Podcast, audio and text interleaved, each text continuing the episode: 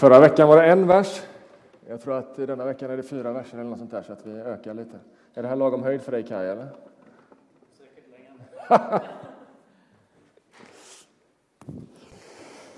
vi lyssnar till Guds ord hämtat ifrån eh, Kolosserbrevet kapitel 3 och några verser framåt, 22 framåt.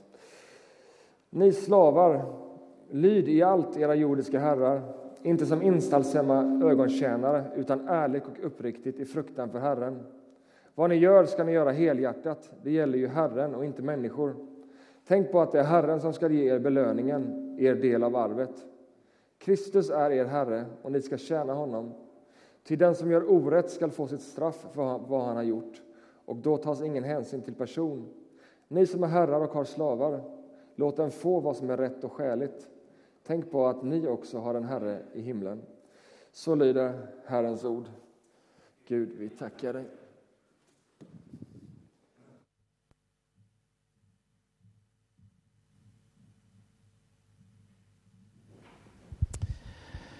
Kul att få vara här. Tack så mycket Jakob eh, för inbjudan. Eh, som Jakob säger så har vi, relationer långt tillbaka och det har varit en eh, väldigt fin relation och väldigt kul å få en, skal jeg si, en litt tetere relasjon også til er i sentrum Göteborg. Som, som Jakob sa så står vi nå sammen med min fru og to andre par midt i en forsamlingsplantering i, i Malmö. Eh, ja, som du da har forstått norsk, og vi har vært pastorer i mange år i, i Norge. Men eh, Stina hun er, fra, hun er fra Malmö, eller hun har bott i Stockholm også, men har vært der mye av sin ungdomstid. Så vi har en, liksom, en naturlig koppling også til, til Sverige. Men nå så leder Gud oss inn i noe nytt, og det er veldig spennende. Vi, vi är ungefär skal si, säga, ja, 100 pers med barn og voksne som har begynt på en forsamlingsplantering i Malmö Og der har ni i faktisk redan vært til hjelp for oss. Eh, haft god kontakt med Jakob og eh, fått lite hjelp til eh, ja, litt sånn teologiske dokument og litt sådana eh, saker som er viktige også når man har en forsamlingsplantering. Eh, og eh, ni har faktisk hjulpet hjelp oss også litt praktisk med å få i gang konto, swishnummer og sånt. Så det er Takk så mye, Sentro, redan nå for at ni hjelper oss i, i Malmö. Det er vi takksomme for. Låt meg få börja denne predikan med følgende statement. Jag er gift med Stina. Hva sier den meningen deg? Altså, det fins jo saker som helt logisk følger når du hører at 'jeg er gift med Stina. Du regner sikkert med at jeg bor med henne, at vi kanske en semester ihop, hop. At vi deler liksom våre kjensler med hverandre, våre besvikelser og gleder. at vi deler kanskje utgifter, att de er inne på Tinder kanskje du har listet ut. Alltså det fins saker som liksom hänger ihop når du hører noen si at 'jeg er gift med henne eller 'jeg er gift med han'. Men hva om jeg i neste mening skulle si så her 'Jeg elsker Stina på søndager'? Det låter liksom, hva? hva? va? Du sa du var gift med Stina og sen så sier du du elsker Stina på søndager. Men mener du bare søndager? Ja, har du problemer med det? Dömer du mig? Är du lagisk eller? Får jag inte bestämma själv vad det betyder att vara gift? Och nu ska vi inte dra den här bilden för långt, men du kanske förstår lite vart jag är på väg. Jag är kristen, jag tror på Jesus, han är min Herre, så derfor drar jeg til kyrkan på søndager. Og det låter bra. Men hva betyder det egentlig å si at man er kristen eller at man har Jesus som Herre for resten av min vecka? På jobbet, på universitetet, skolan, hemma, för mina pengar, min fritid. Och det är det här som vi ska titta på i den här serien som ni började förra söndagen. Sök först en serie om hur Guds rike förändrar allt. Och jag har fått glädjen av att tala om att alt har betydelse på grunn av Guds rike. Og vi leste precis det her avsnittet sammen med Kolosserbrevet. Det är ett utmanande avsnitt på många sätt, inte minst för att det här med slavar som i några översättelser översätts med, med tjänare. Det är svårt att förstå för oss. Så man kopplar liksom lite bort från ja, men det där gäller inte oss, vi har ju inga slavar eller tjänare på det sättet. Och vi, vi kommer att återkomma till det, men det första vi behöver förstå är vad Paulus har sagt innan i Kolosserbrevet. Kolosserbrevet räknas som det mest Kristuscentrerade av Paulus sina brev. Och det är skrivet för å vise at Kristus er overalt, han er herreveldet, og sen er han også alt hva du behøver.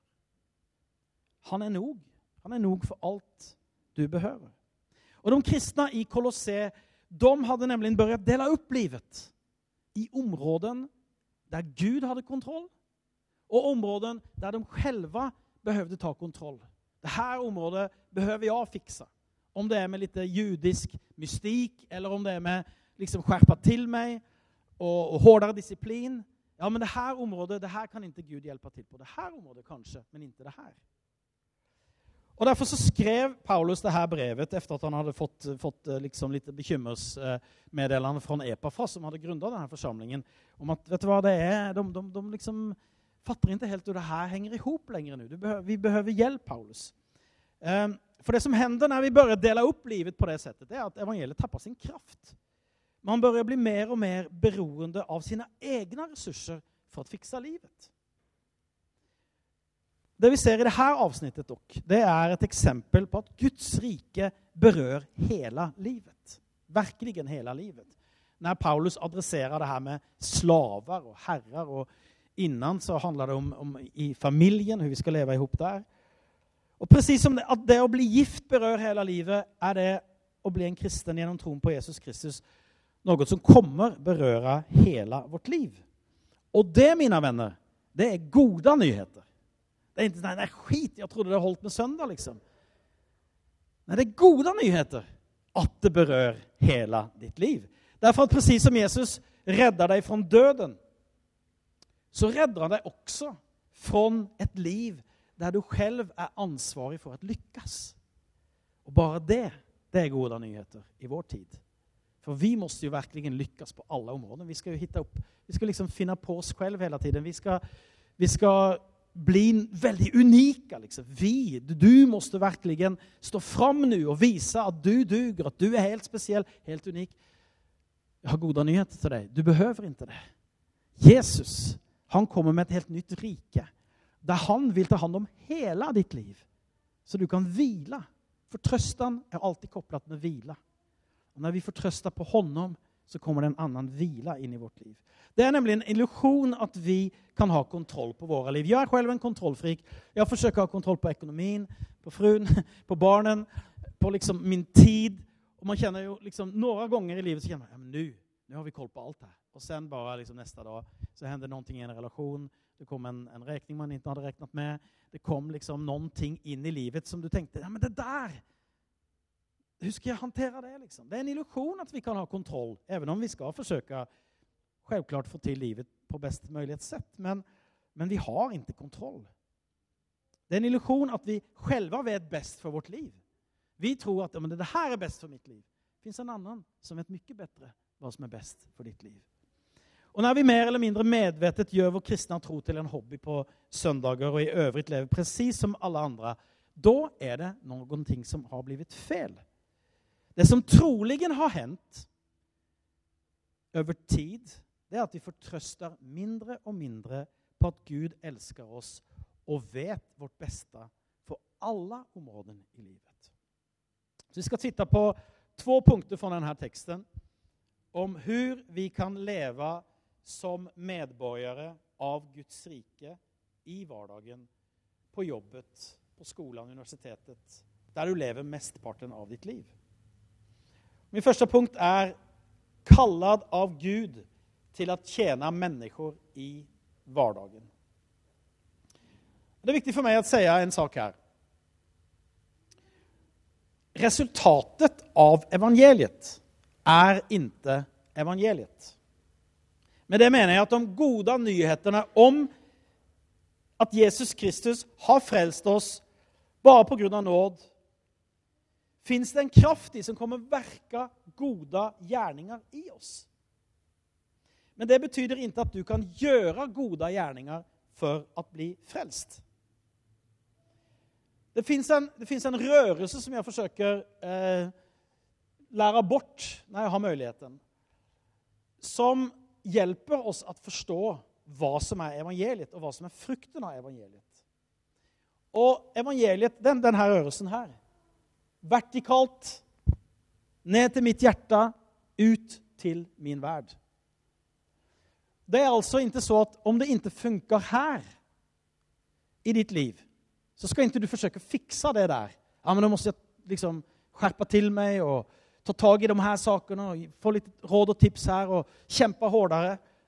Det du behøver, det er noe som kommer utifrån. Som en kraft, som en hjelp. Annars er ikke evangeliet gode nyheter. Da er det jo den som er, liksom er best, kommer gjøre det best. Det er Den som er mest beroende av nåd kommer gjøre det best. Den som er mest beroende av Jesus kommer faktisk få, livet til best, om du forstår hva jeg mener. For det kommer her, herifra. og det, det er så lett at vi dömer andre her. Ja, men du måste skärpa till det, du måste göra så här och så här. Och sen så glömmer vi att det som händer här, av frukt, av goda saker, det kom inte från vår egen styrka. Det kom ifrån honom. Och det är för at evangeliet gäller inte bara för att bli frälst, det gäller också för att leva i den frälsningen. Varför säger jag det här? Jo, för att i de här versen som vi läste idag så är det egentligen frukten av evangeliet som Paulus eh, visar oss. Vad som händer på din arbeidsplass, i din hverdag, når du bare lever som en medborgare av og i Guds rike. For å se på et annet sett. det er stor skillnad på å si så her hur kan du kalla deg selv en kristen om du ikke lever på det her viset? Det er lett å se. det er in, in, ingen problem å fordømme mennesker på det settet. Å hitta saker som et semmer i ditt liv enn i mitt liv på noen områder. Sånn kan jeg predika det her. Hur kan du kalla deg selv en kristen om du ikke gjør som meg på dette området? Det er ikke evangelium. Skillnaden blir stor når man heller sier eftersom du er en kristen, eftersom du er medborger av Guds rike, kan du nu leve på et annet sett. Og det viser Paulus på hur liksom Guds rike endrer vår relasjon til hverandre. Vi kan leve annorlunda i en ikke perfekt värld. Ser du skillnaden? Det første er fordømmelse. det andre er en oppmuntran at leve i det du redan har fått. Guds rike er nære. Omvend deg og tro evangelium, sa Jesus. Vi omvender oss ikke for at Guds rike skal komme, men derfor at det redan er her. Derfor vender vi om. Guds rike er her. Jeg vender om, Jeg vil ha det. Det er ikke så at vi får til at Guds rike skal komma. Guds rike har kommet gjennom Jesus, han har fixat det. Og vi vender om. Det hender noe i vårt liv derfor at Guds rike redan har kommet. Og Det er precis samme tanke som Paulus presenterer i Kolosserbrevet. Han viser oss hur vår nye relasjon til Gud vil forandre vår relasjon til de mennesker som fins i vår hverdag. Og på den tiden så gjelder det også slavar. Man kan liksom fråga seg, Hvorfor sa ikke Paulus bare sluta med det her med slavar? Liksom. Det får ni sluta med. Det her er ikke sånn vi skal gjøre lenger. Og Vi skal ikke gå djupt inn i det temaet, men jeg tycker at G.R. Osborne som har skrevet en kommentar til Kolossebrevet, han forklarer det jättebra. Og vi får det, en, eh, får det opp på engelska på, på skjermen her. We do well to bear in mind that there had never been, in been a time in antiquity without slaves. By the first century, the institution was thousands of years old. Christianity was not a social movement transforming society, but a spiritual movement proclaiming the redemption of the fallen human race. However, although Paul was not consciously trying to end the institution of slavery, he did transform the nature of its key relationships. And the principles he established did eventually help to subvert the practice. Fick du med deg det her? Altså, evangeliet, Kjernen i evangeliet er å proklamere at en fallen verd kan nå bli forsonet med Gud. Men det leder også til at vi forsones med hverandre. Så han sådde et frø inn i den kulturen som började spire. Og han sa nå skal slaver og herrer, når de går på gudstjeneste, ni er like innenfor Gud. Ni skal, ni ska tillbe Gud tillsammans. Ni ska inte längre se på varandra i, inför Gud som någon skillnad. Liksom. Men han, han, han, han, han, startade någonting. Och det är, det är så Guds rike funkar också. Det kommer inte liksom med makt på det sättet. Wow! Men någonting börjar spira på din arbetsplats. Bland dina medstudenter, i din familj, i din grannskap. Der börjar någonting spira därför att du finns där. Som kan ändra relationer, som kan endre hur din värld ser ut. Det, det, vi kan lære oss av denne teksten er hvor vi kan leve som kristne på jobbet eller ja, på universitetet, der vi er i vår vardag, i en inte perfekt värld. Hva er det Paulus først sier? Han sier forsøk inte spille et spel og gjøre deg populær som en øgontjenere, men gjør det du gjør i fruktan for Herren. Så han sier bør jeg ikke spille liksom på det settet som, som denne verden holder på til. Det, det, det ytliga som regnes, Liksom. Og du forsøker på det settet at, att vinna poeng. Nei, nei, nei. Du skal, du skal tenke helt annorlunda. Og sen så anvender jeg ordet, eller det, tyvärr så er det litt dårlig oversatt både på norsk og svensk. Altså, gudsfrukten, det, det kjennes jo Hva betyder det? Liksom? Skal man vara, gå rundt og være redd for Gud? Det er ikke et bra ord for det, det har inget med å være redd for Gud eh, att gjøre på det sättet. Men det har med en respekt, en, en vørdnad, en, en djup lengtan at få gjøre Guds vilje i respons på hans kjærlek og helighet. Jeg bruker å gjenføre det med å si at jeg har jo Stina-fruktan. Ja, Betyr det at du er redd, går rundt og er redd for Stina? Nei, jeg er ikke redd for henne, eh, det meste av tiden.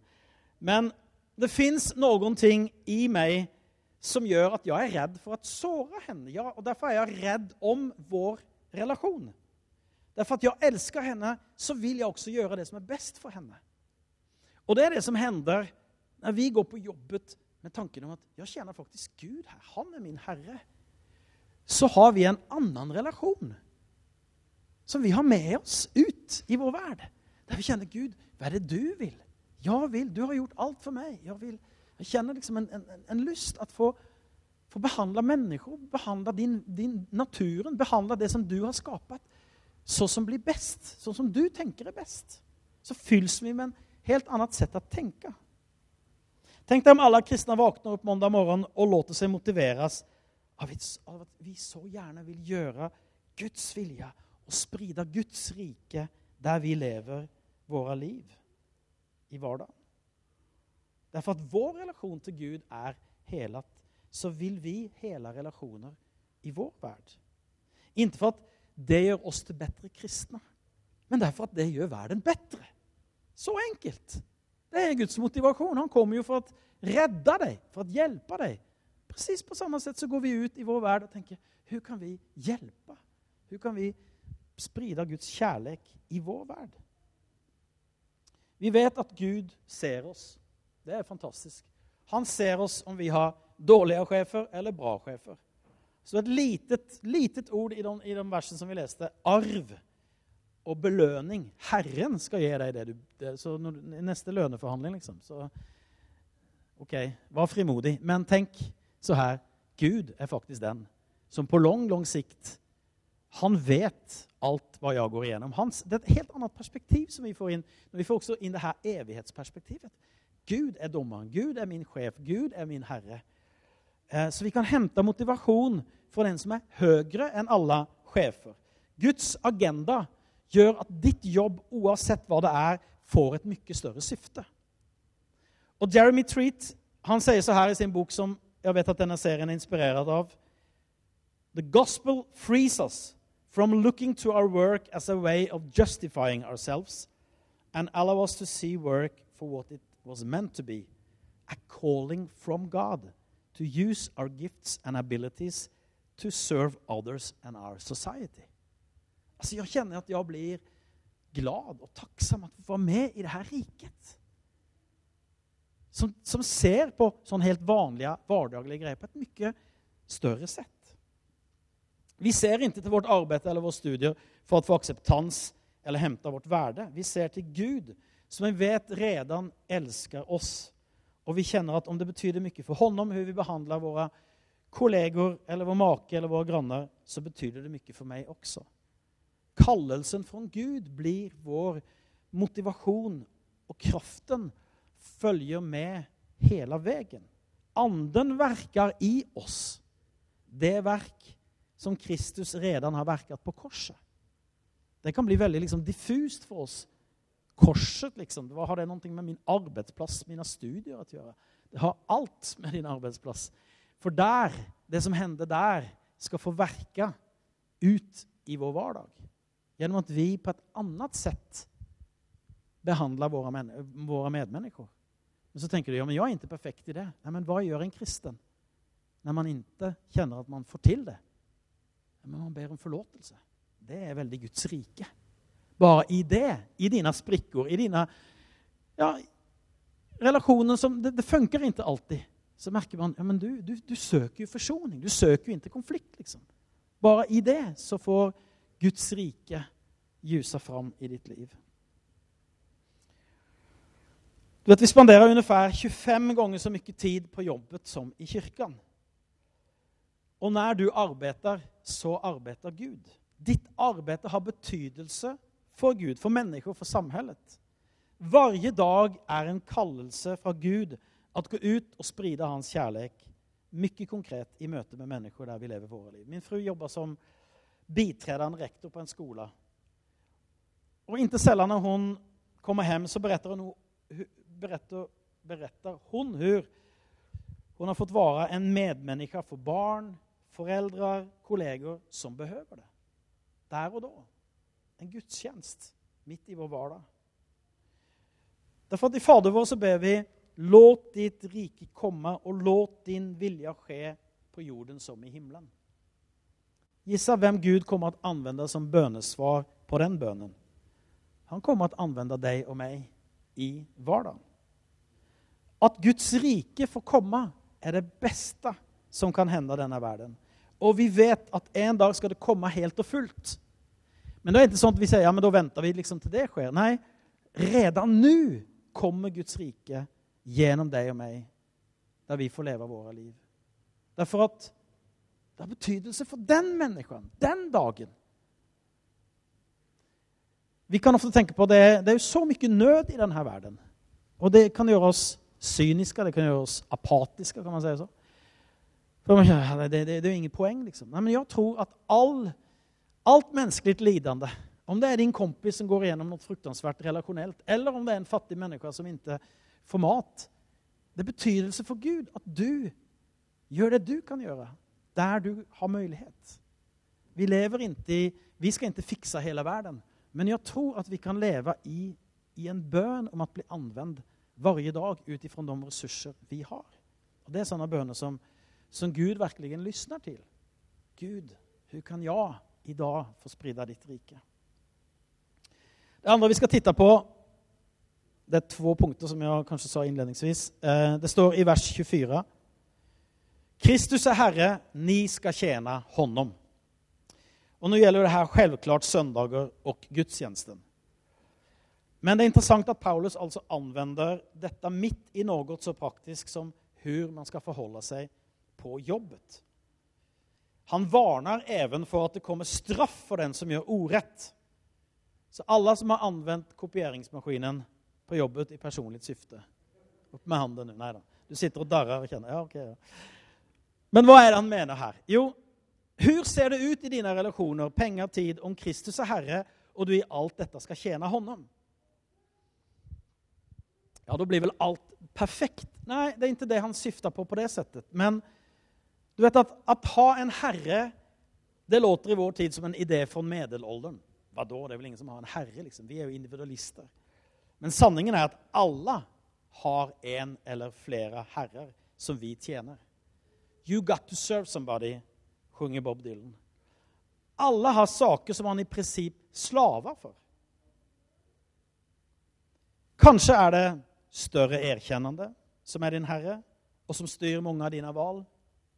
Kanske er det å ha kontroll eller å bli rik eller bli oberoende eller bli sedd eller ha mer frihet. Alt dette og mye annet blir fel når det får bli vår Herre. Jeg har flere saker i mitt liv som gjør meg jeg bare merker hun, det gjør meg ofri når jeg börjar søke lykken i det. Det kanskje ikke er fel i seg selv, men det blir fel når det blir min Herre. Det binder mig. De gode nyhetene er at det fins en perfekt Herre. En som vi kan tjene som inte kommer å binde oss, men som kommer å gjøre oss fria når vi binder oss til honom. Det er et paradox, men det er sanningen. Når du sier, Gud, ta hele mitt liv. Jeg behøver deg.' Og jeg vil, jeg vil bare ge alt til deg. Alle områden i mitt liv. Kom. Forlåt at jeg har tenkt at det her området skal jeg fikse selv. Liksom. Ja, men det binder deg bare. det er bort ifra Jesus. Men når du slipper det i dag og sier 'Nei, men Gud, forlåt. Jeg vet jo at du er bare god. Når Kristus får være vår Herre så kommer vi til å leve annorlunda.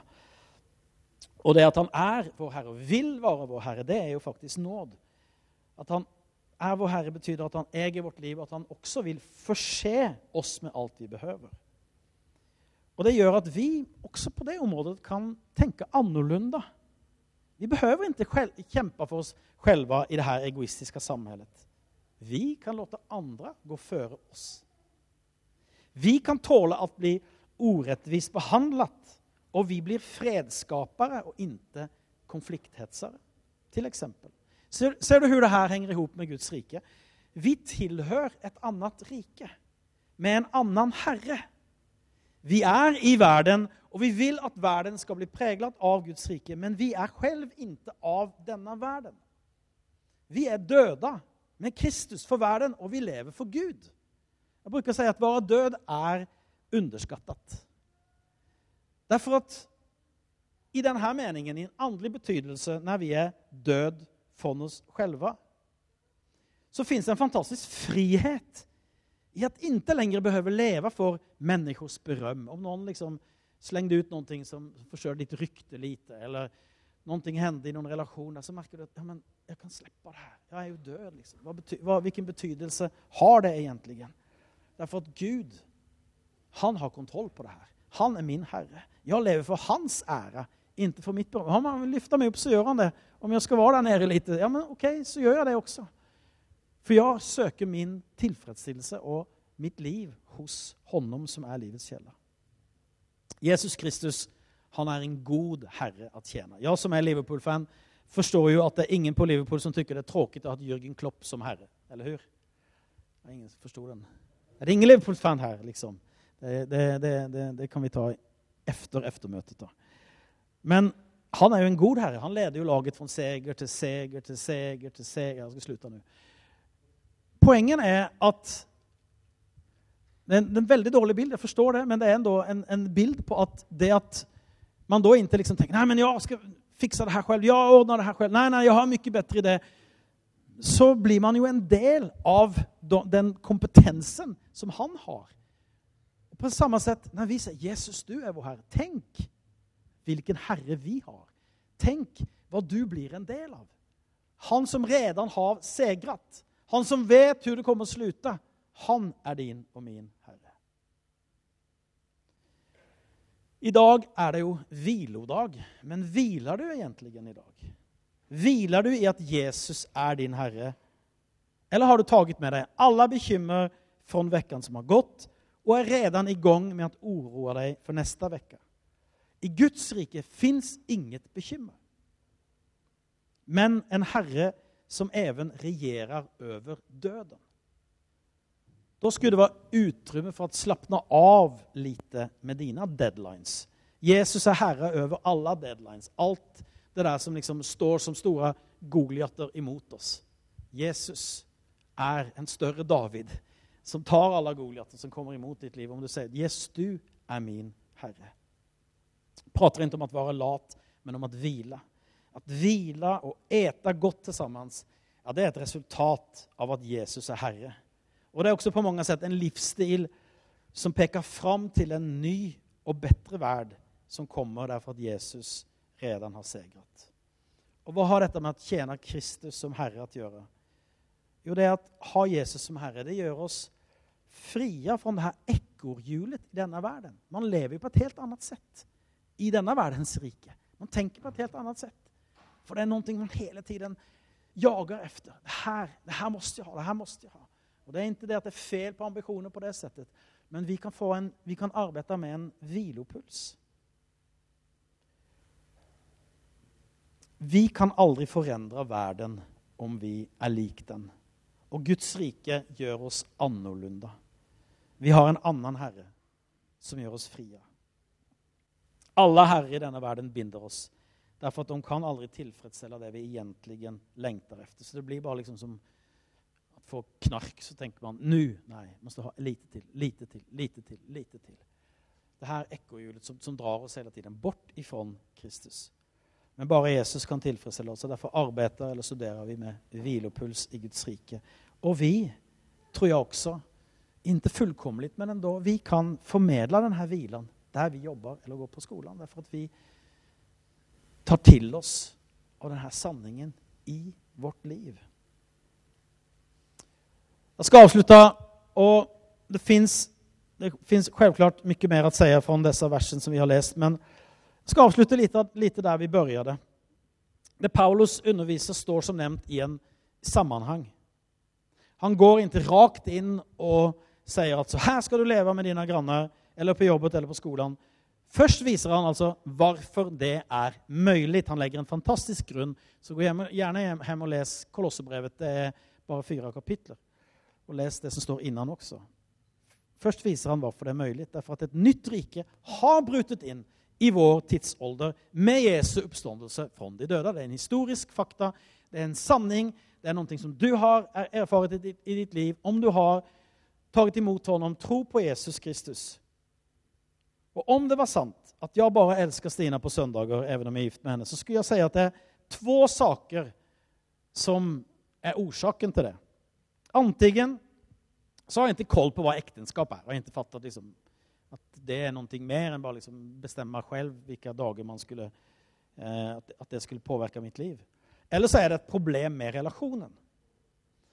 Og På samme sett med kristne som deler opp sitt liv i en kristen del og en mer nøytral del.